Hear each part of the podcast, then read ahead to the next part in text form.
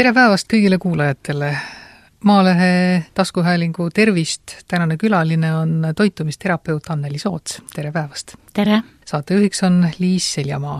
toitumisteraapia ei ole meil küll enam väga uus asi ega üldse igasugused toitumisnõustamisega seotud küsimused, aga võib siiski öelda, et see on sellise viimase paarikümne aasta teema. Teie ise olete sellega tegelenud juba kui kaua? seitseteist aastat. Põhjus oli mul haige lapselaps ja kuna ma olen ise meditsiiniharidusega muidugi ja teinud varasemalt anda just meedikutele täiendkoolitusi, siis minu käest kogu aeg küsiti ka toitumisalaseid täiendkoolitusi ja mul ei olnud väga võtta õppejõude. noh, täiesti nagu puutumata teema, et bio, biokeemikud tegelesid selle teemaga. ja siis oli endal vajadus selle lapselapse teemaga tegeleda, seal oli hästi palju toitumisega seotud asju, nii et meil ei jäänud muud üle, kui selgeks õppida ja siis me endale palkasimegi biokeemiku Tiiu Vihalema õpetajaks ja siis hakkasime ise õppima, nii et meid oli üks selline pisike punt, meedikuid ja siis neid, kes ise olid samamoodi haiged ja vajasid toitumise muutmist ja lapsevanemad ja siis me olime siis nagu esimesed õppijad. saime ka väljamaalt koolitust ja siis ühel hetkel mõtlesime, et aga miks me ei või sellist õppeprogrammi teha ja hakata Eestis toitumisnõustajaid ja terapeute koolitama. ja sealt saigi asi alguse. ja praegusel hetkel on noh, minu südamevalu just nüüd nende noh, ära koolitatud inimeste nagu edasikoolitamine või jätkukoolitamine. kas te võite öelda, et see toit toitumisalane nõustamine Eestis on äh, täna noh, juba päris nagu selline arvestataval tasemel? keeruline küsimus. mina kui Toitumisteraapia Assotsiatsiooni juhatuse esimees ütleks seda, et meil on igasuguseid toitumisnõustajaid, ka selliseid, kes ei ole korralikku toitumisnõustaja koolitust saanud ja nad annavad suvalisi soovitusi et tõesti noh, kes on mingi spetsiaalse dieedi pooldaja, siis ta räägib ainult oma sellest dieedist ja ta ei ole õppinud nagu sellist üldist tervislikku tasakaalustatud toitumist. ja soovitan kõikidel inimestel küsida tunnistust. et kui on tunnistus, on eksamid sooritatud, et mitte lihtsalt mingisugune, ma ei tea, tõend või paarkümmend tundi ainult koolis käidud, et meil on ikkagi sellised arvestatavad viie-kuuesaja tunnised koolitused need et toitumine, kuigi ta võib tunduda, et mis seal siis ikka on, ma ju tean mhm. küll, kuidas süüa tuleb, et see ei ole niisama lihtne. kui me alustasime nende õppekavade koostamisega, siis noh, mina ka panin tervisliku toitumise plaani nelikümmend tundi ja mõtlesin, et noh, mis see siis on, ja siis kohe ruttu selgus, et neljakümne tunniga ei saa mitte midagi. ja siis ma käisin Haridusministeeriumist nagu õppekava muutmas ja, ja siis ta noh, pikenes ikkagi väga paljude tundideni, sadade tundideni. Kui teie räägite tervislikust toitumisest, mida teie selle all silmas peate? juba siin aastaid tagasi on äh, nagu taunitud seda nimetust tervislik toitumine. mina tahaks ikka tervislik toitumine öelda, et aga pigem äh, soovitatakse selle asemel kasutada tasakaalustatud toitumine. noh, mina kasutangi praegu tervislik tasakaalustatud toitumine. see tähendab seda, et äh, ma saan kätte kõik toitained, mida mu keha vajab sest ma tegelikult räägingi funktsionaalsest nagu toitumisest, ehk siis kõik toitained on mul teatud kehafunktsioonide jaoks vajalikud, meie keha ei tööta ilma toitaineteta et kui mõni arvab, et ilma söömata noh, saab ka hakkama jah, natuke aega, aga mitte palju ja siis hakkavadki logisema, noh, teatud organite tööd, seal teatud reaktsioonid, ei saa võib-olla mingisuguseid kofaktoreid või, või ensüüme, et need korralikult toimiksid. Ja noh, ühesõnaga need toitained me peame saama kätte, nüüd on küsimus nende kogustes ja küsimus on ka selles, et me saaksime nagu õigetes vahekordades neid, et me ei liialda ühegagi. põhitoitained on siis süsivesikud, valgud ja rasvad ja nüüd ka nende noh, seas veel on ju, rasvad koosnevad väga paljudest erinevatest rasvhapetest, need peavad omavahel olema tasakaalus ja süsivesikud on samamoodi, meil on kiired süsivesikud, noh, kõik teavad suhkrut, on ju, aga samas meil on ka ju täisteraleib, ka süsivesikurikas toit. eks siis ka need peavad omavahel nagu tasakaalus olema ja siis on veel toitained, vitamiinid, mineraalained, nüüd viimasel ajal räägitakse hästi palju ka fütotoitainetest ehk taimedest äh, pärit äh, sellistest antioksüdantsetest, väga kasulikest toitainetest, ehk siis noh, need kõik peavad meil olemas olema. Kas on mingi tõetera selles ka, et inimene võiks süüa neid toiduaineid, mis on saadaval tema enda elukoha läheduses? Või ütleme, et Eestis inimesed elades võiksid tarvitada toitu, mida on võimalik Eestis kasvatada? Kindlasti on tõetera selles sees, noh, öeldakse ju, et viie kilomeetri raadiuses veel võiks olla see toit kasvanud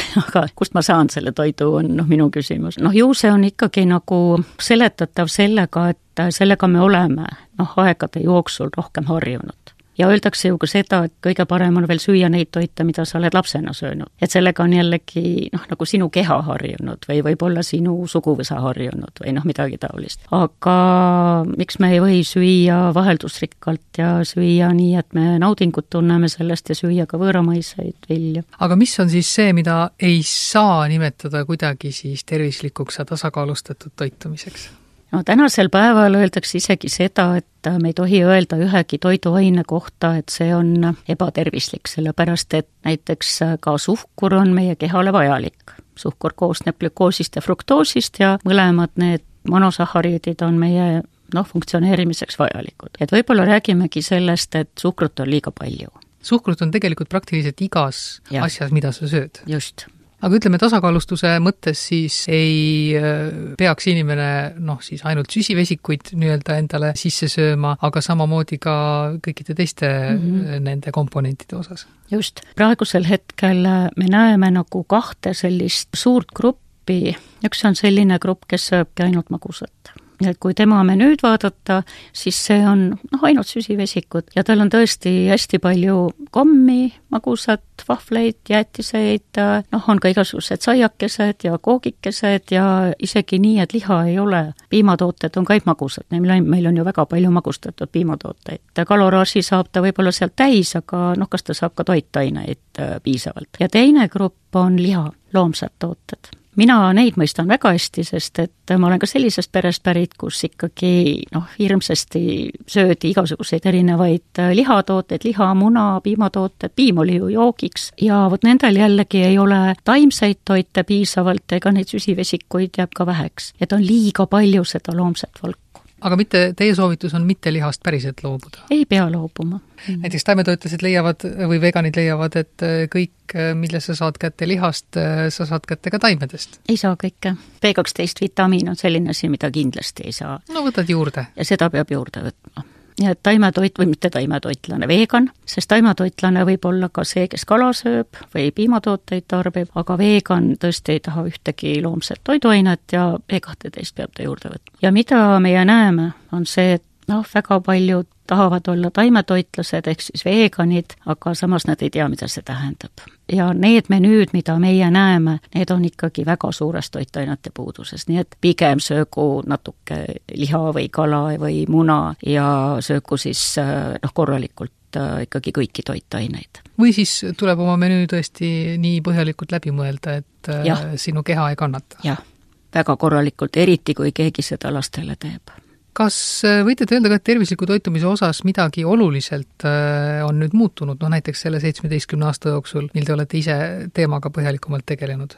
seda ma ei oska öelda, aga kui me alustasime, siis need riiklikud toitumissoovitused olid no hästi sellised lühikesed ja konkreetsemad, siis alles kaks tuhat kaksteist tulid väga nagu uuendusmeelsed ja sellised põhjalikud ja paksud Põhjamaade toitumissoovitused ja nende alusel siis muidugi tehti ka Eesti toitumissoovitused ümber, nii et need olid üle kolmesaja, kolmsada seitsekümmend lehekülge mm. kusagil, et äh, see vahe kohe kindlasti. Ja vot just see taimetoidu osakaalu suurendamine, iga päev võiks äh, süüa nii hästi palju aedvilja, aedvili peaks olema iga toidukorra koostisosa, kas siis toorena või hautatuna, noh minule ise meeldib hästi süüa värsket salatit, siis noh, näiteks äh, võileivad on ju, leivamäärded võiksid taimsed olla ja, ja niimoodi annab nagu seda noh, minusugustel, kes loomset toitu noh, armastavad ja tahavad palju süüa, et annab seda vähendada nagu väga palju taimsete arvelt. ja loomset jääb ka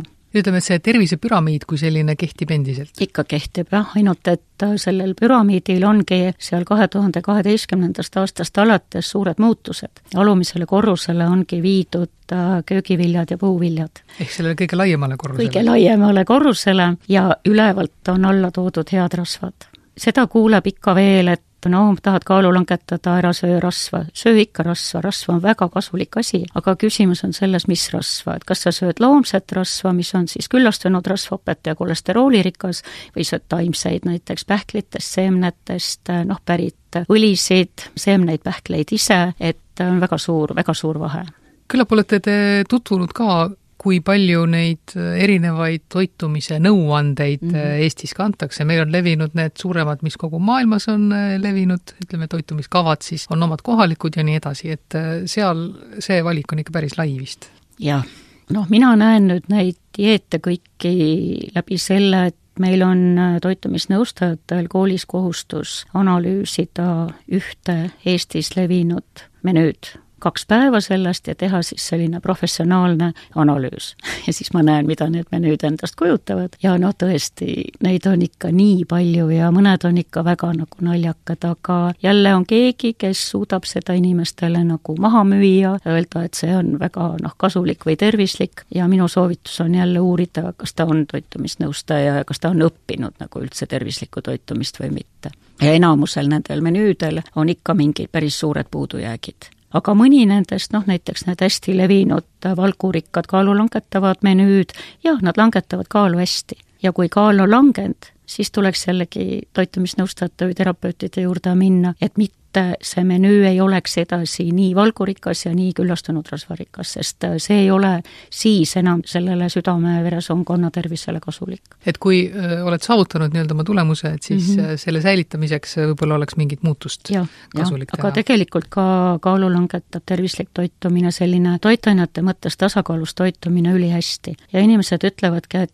et noh, need, kes on kaaluga hädas olnud, on igasuguseid dieete proovinud, ütlevad, et esimest korda elus ma söön, ma üldse ei piira ennast ja mu kaal langeb. ma ei saa aru, miks see nii on, sest meie paneme neid rohkem sööma. suurendame vot sellesama taimse toidu osakaalu ja vähendame ainult nende süsivesikute osakaalu ja seal ka paneme need tasakaalu, rasvad paneme menüüsse, noh, mida nad kardavad ju tarbida, ja ka langeb no inimesed tahavadki, miks need toitumiskavad ka nii populaarsed on, inimesed tahavad, et ütle mulle, kuidas ma pean sööma, et minu kaal langeks mm -hmm. või et see oleks minule tervislik ja kui sa talle kirjutad ette, siis on ju väga lihtne. no ütleme, teoreetiliselt on lihtne ja. seda jälgida hästi palju inimesi ongi selliseid, kes tahavad, anna mulle täpne menüü, anna mulle ostunimekiri ja ma hakkan täpselt selle järgi tegema. meie jällegi püüame inimestele selgeks teha seda, et nad õpiksid ära selle tervisliku tasakaalustatud toitumise ja hakkaksid iseendale menüüsid tegema. see võib osutuda vahel päris raskeks. ja muidugi, mida me veel näeme praegu, on see, et äh, inimesed ei tee enam ise süüa ta ostab ainult poest valmis toite, noh mul on ka haigeid, kes tõesti ei jaksa ise süüa ja ei saa ise endale süüa teha, nii et ma olen ka pidanud selliseid menüüsid kokku panema, mis on ainult äh, poest valmis toitudest. ja ma üllatusin, seal on väga häid äh, toite tulnud müügile. aga räägitakse päris palju ka sellest, et kui hea see meil poest saadaolev kraam siis on, eks on mingid ringkonnad, mis leiavad, et üldse poetoitu ei peaks ostma, noh, kui ise ei kasvata, et siis ainult mingisuguste kindlate kasvatajate või müüjate käest näiteks ja nii edasi. mis teie kogemus ütleb, et võib ikka poest ka üht-teist no, kaasa kui, võtta? kui sa saad niimoodi elada, et sul on kõik toiduained võimalik saada, noh, mingi kindla kasvataja käest, sa tead, kuidas ta neid noh, loomi on toitnud, kuidas ta taimi on kasvatanud, loomulikult võiks ju eelistada mahe mahetoitu, aga mul tuleb kohe meelde üks ühel kursusel osaleja, kes noh, meie teada oli üks rikkamaid inimesi Eesti Vabariigis ja kui see toitumisnõustaja pani neid ainult mahepoest seal nädal aega toitu ostma, siis see rikas inimene ütles, et tema rahakott ei kannata seda, nii et see oli nagu väga noh, väga lõbus. et kõik ju sõltub sellest, millised minu need noh, võimalused on. aga noh, näiteks minul endal on ka väike põllumaa, seal ma kohe varakult Äh, kevadel panen teatud asju maha, ma söön suurima heameelega iseenda tomateid ja iseenda kurki ja iseenda paprikaid. kui mul on võimalik äh, niimoodi saada, siis ma ostan, aga muidu, mis mul üle jääb? ma tahan tervislikult toituda, ma tahan saada ka talvel kurki, ma tahan süüa tomatit, paprikat, noh, meil on inimesed ära hirmutatud sellega, et nad on ju kõik ära mürgitatud mm noh, kui me ikkagi peame sööma neid välismaiseid toiduaineid ja kardame sealt neid mürke, arvestage sellega, et et äh, nad on ka täis väga kasulikke toitaineid, vitamiine, antioksüdante, mis meie keha detoksiprotsessidel aitavad väga hästi võidelda ja et kui me jätame nad selle mürkide hirmus välja, siis meil ei ole mitte midagi, millega me võidelda saaksime. mis asi on toitumisteraapia? see on nüüd haiguspõhune toitumine.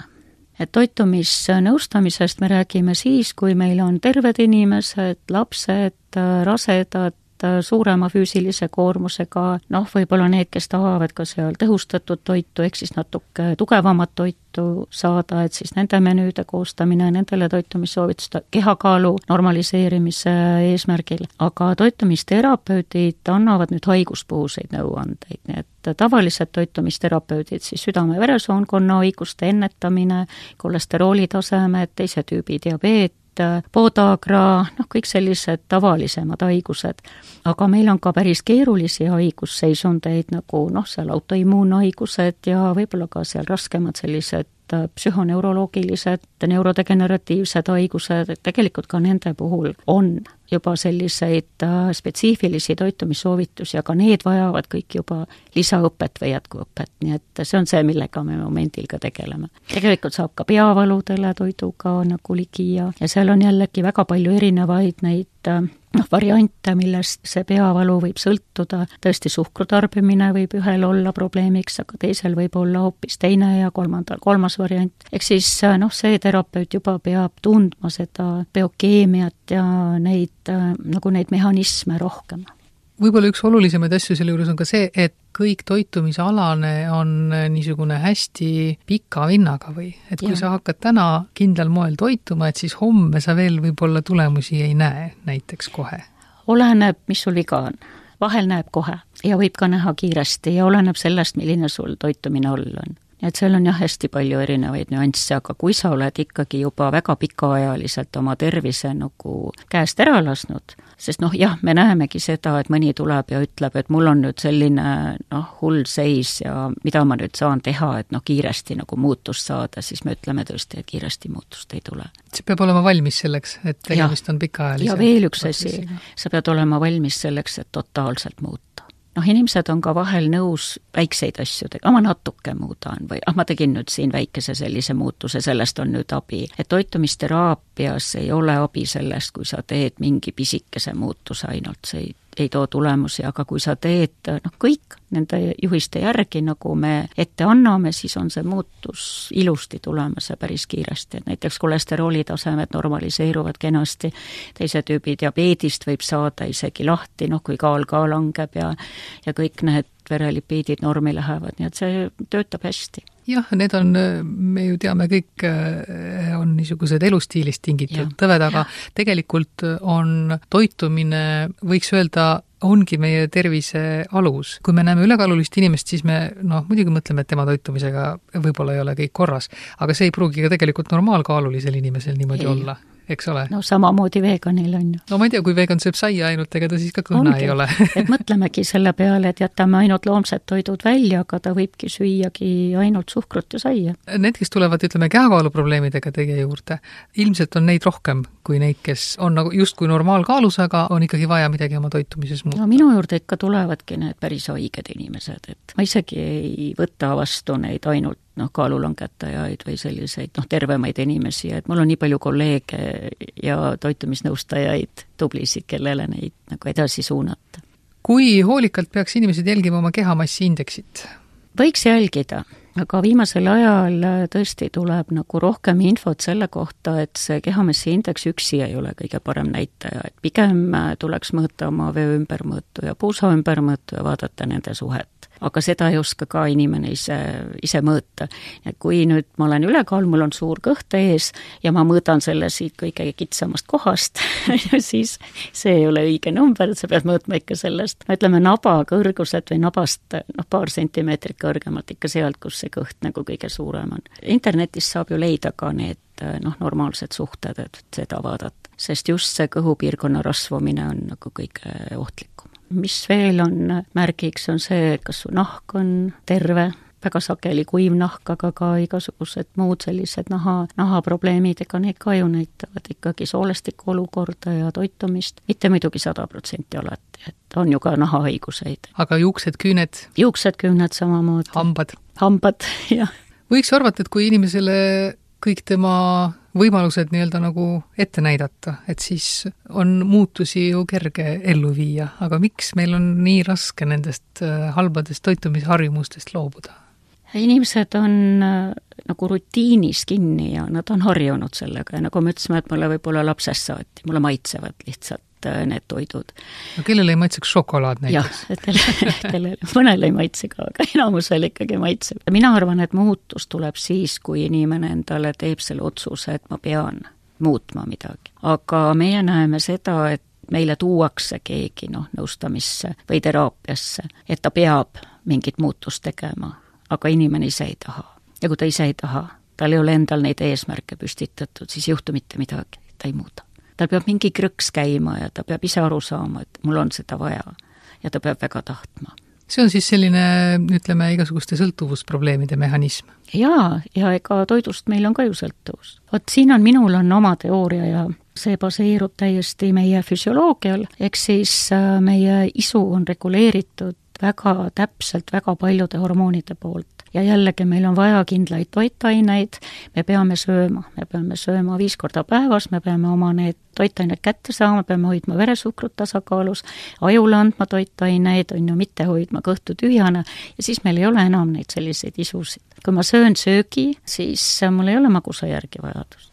ja kui ma ei söö liiast noh, ei söö nagu väga, väga palju magustoitu ja, ja väga suuri koguseid, et et soovitus on viis korda päevas süüa ja need on siis kolm põhitoidukorda ja kaks vahepala, et hoida see veresuhkur tasakaalus ja siis kaalud langevad ja inimestel ei ole selliseid isusid enam magusaisusid. et ei lähe hilja õhtul äh, külmkapist äh, võileiba tegema? ei ole vaja. ja muidugi teine asi on veel stress. stress ju paneb meid ka sööma. ja mida ma ise näen, et äh, noh, kui ma sinna töösse sukeldun ja unustan ära selle, et ma pean sööma, ma unustan kella ära, et siis mul tekibki ühel hetkel kohe nagu vajadus, mul on midagi vaja, kohvi ükskõik või mida, ükskõik mida, jooksen külmkapi juurde, vaatan midagi magusat, aga siis ma vaatan kella. Ja kell ütleb mulle, et Anneli, vahepeal aeg või et lõunasöögi aeg ja siis tuleb teha söök, tuleb võtta tööst võtta vaba aeg, teha endale söögid ja siis läheb jälle nagu normaalselt edasi. aga muidu me jäämegi ju päev otsa, ainult võib-olla kohv, mingisugused saiakesed või küpsised või kommid ja siis õhtul oleme hästi näljased ja siis sööme liiga palju aasta alguses inimesed teevad igasuguseid otsuseid oma edasise elu suhtes ja tervislik toitumine on üks nendest otsustest, mis mõnikord ette võetakse. noh, nüüd on aasta algusest natukene juba möödas, ma kujutan ette, et need, kes asja tõsiselt ei võta, need on juba kahjuks vist käega löönud ma isegi ei ole kohanud neid, kes selliseid otsustusi teevad, tehakse igasuguseid muid, aa, võib-olla see, et alkoholiga või suitsetamisega või tööga noh, seotud otsuseid, aga ei, me ei näe, et oleks tervisliku toitumise noh, järele nagu tung suurem pärast aastavahetust. aga võib-olla see küll, et kui jõulud olid ja seal sai palju söödud, et siis nüüd siis nälgitakse või paastutakse, tehakse tasase. iseenesest seda öeldakse küll, et vastu kevadet, ma ei tea, kas te nõustute sellega, et vastu kevadet võiks teha sellise sellise kergenduskuuri või et kas nüüd just päris paastumise, aga et võtta natuke kergemalt näiteks mõnda aega. paast oli ju vanasti ka selle tõttu, et lihtsalt ei olnudki midagi ja. nagu süüa väga. toit sai otsa või liha sai otsa. mina leian, et me peame kogu aeg paastuma. et eks see paastamine tähendabki sellist tervislikku taimetoidurikast toitumist, et ma ei söö midagi nagu liiast, ma ei söö palju ja ma saan kogu aeg niimoodi miks ma pean kevadel siis midagi teistmoodi tegema? võib-olla on see, et noh, nagu Hiina meditsiin ütleb, et et äh, seda toorest äh, noh, ei luba nagu talvel väga palju süüa, aga kui kõht kannatab, miks ma ei või talvel rohkem seda süüa? ma ei, ma ei näe, et mingit vahet oleks ja kui me sellest äh, puhastumisest räägime, noh, keha puhastumisest, siis keha puhastumine tähendabki seda, et me anname toitaineid maksale nendeks detoksifikatsiooniprotsessideks, seal on hästi palju erinevaid protsesse, need vajavad väga palju toitaineid, just antioksüdante, vitamiine, mineraalaineid ja tegelikult vajab ka aminohappeid ehk siis valku ja noh, glükoosi ka vajatakse, nii et mitte mingil juhul mingit nälgimist, aga lihtsalt normaliseerida toidukogused ja süüagi normaalselt ja süüa tervislikku tasakaalustatud toitu kui praegu alustada tervislikuma toitumisega kehakaalu alandamise eesmärgil, siis suveks saab juba täitsa ilusaks? no meie seal nende soovituste järgi ei tule väga palju nagu kuus maha, noh, paar kilo kuus võib-olla esimese kuuga natuke rohkem, aga kaks kilo kuus on ju päris hästi suveks, on ju. et ei ole sellist nagu kiiret kaalulangust ja see on väga hea sellepärast, et noh, kõik ju teavad seda, et aa, ma sain kümme, kakskümmend kilo alla, aga mis siis püsima jääb? noh, see tuleb väga kiiresti tagasi. nii et nagu ta teeb neid noh, näljadieete või neid piiravaid dieete, saab kaalu alla ja nagu ta tavalise toitumise peale läheb, teadmata noh, kuidas see tavaline toitumine siis peaks olema, noh et kaalu säilitada, siis tuleb kõik tagasi ja tuleb isegi vahel veel rohkem. Kahju on nendest inimestest Teie soovitus on siis, et igatepidi tervislikum on see, kui oma toitumist jälgida kogu aeg, mitte mm. seada mingisuguseid tähtajalisi eesmärke ja toitumisnõustajatelt, toitumisterapeutidelt maksab abi küsida, kui tõesti ise tunned, et äh, võib-olla ei saa hakkama või ei oska. ma olen aru saanud, et see ongi keeruline et mulle tulevad ju inimesed kooli ja ütlevad, et nad arvasid, et nad teavad tervislikust toitumisest kõike et aga nüüd läheb kuidagi väga keeruliseks, et tõesti noh, aru saada, mida need toidurasvad endast kujutavad ja kuidas neid tasakaalustada ja, ja samamoodi süsivesikud, et kõik see, et see võtab natuke nagu aega. ja mina soovitan minnagi noh, mingile kursusele või minna toitumisnõustaja juurde, kes neid asju seletab, annab materjale, annab õiget materjali ikka lugeda. et mida mul veel õpilased kurdavad, ongi see, et liiga palju on internetis igasugust infot ja ka vastuolulist infot, et nad ei oska selles orienteeruda mis ma tahan öelda, ongi see, et sellega harjub niimoodi ära, et kui algul tundub, et see tervislik toitumine ei ole maitsev või noh, mõni arvab, et see tähendabki ainult mingit tooreste kapsaste ja porgandite närimist, oi ei, nendest kapsastest ja porganditest ja kõikidest nendest taimsetest toiduainetest tehakse väga maitsvaid äh, toite. võib-olla tulebki õppida nagu teistmoodi sööki valmistama ja teistmoodi toitu tegema, et see hakkab maitsema ja lõpuks on niimoodi, et ta ei taha enam seda rämpsu, see ei maitse enam. tõesti, sul võib-olla ongi vaja midagi ette, mingeid menüüsid, mingeid näidiseid ja siis sa pead seda harjutama. ja nad ütlevad, et kui sa oled äh, kakskümmend üks päeva suutnud noh, uut sellist nagu toitumist juurutada, et siis ta jääb sulle külge. ja tegelikult äh, kuu ajaga, juba nelja nädalaga seal muutub ka juba soolestikus mikrofloora ja see juba aitab nagu ka kaasa muutuste nagu juba tekkimisele.